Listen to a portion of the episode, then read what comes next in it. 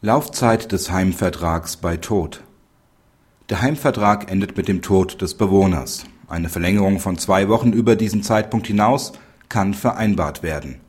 Gegenüber dem Erbringer von Sozialversicherungsleistungen hat dies jedoch keine Wirkung.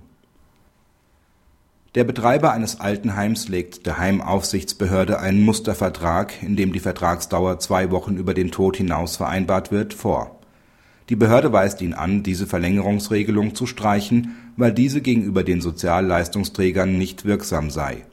Der eingelegte Widerspruch und die Klage bleiben vor dem Verwaltungsgericht und dem Oberverwaltungsgericht erfolglos. Das Bundesverwaltungsgericht bestätigt die Rechtsauffassung der Verwaltungsbehörde.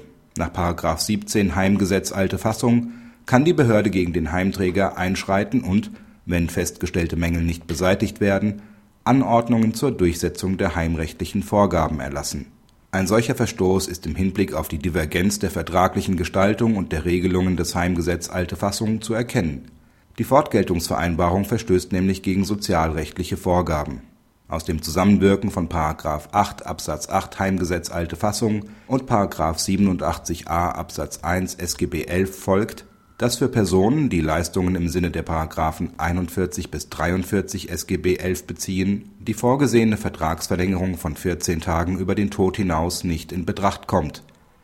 Das mit dem Heimbetreiber bestehende vertragliche Verhältnis endet daher zwangsläufig in dem Zeitpunkt, in welchem der Tod des Bewohners eintritt. Anderweitige Vereinbarungen sind, wie sich aus § 87a Absatz 1 Satz 4 SGB 11 ergibt, unwirksam. Praxishinweis die zutreffende Entscheidung ist auf die neue Rechtslage nach dem neuen Wohn und Betreuungsvertragsgesetz übertragbar.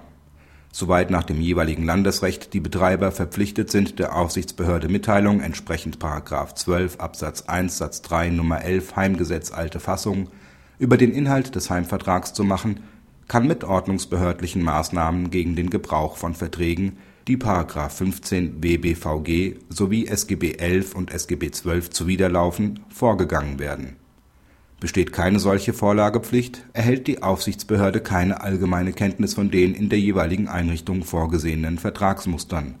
Eine Prüfung ist ihr dann nicht in genereller Form möglich. Rechtsklarheit über die Wirksamkeit der vertraglichen Vereinbarung erlangen der Bewohner bzw. seine Erben im Zweifel erst bei einer zivilrechtlichen Auseinandersetzung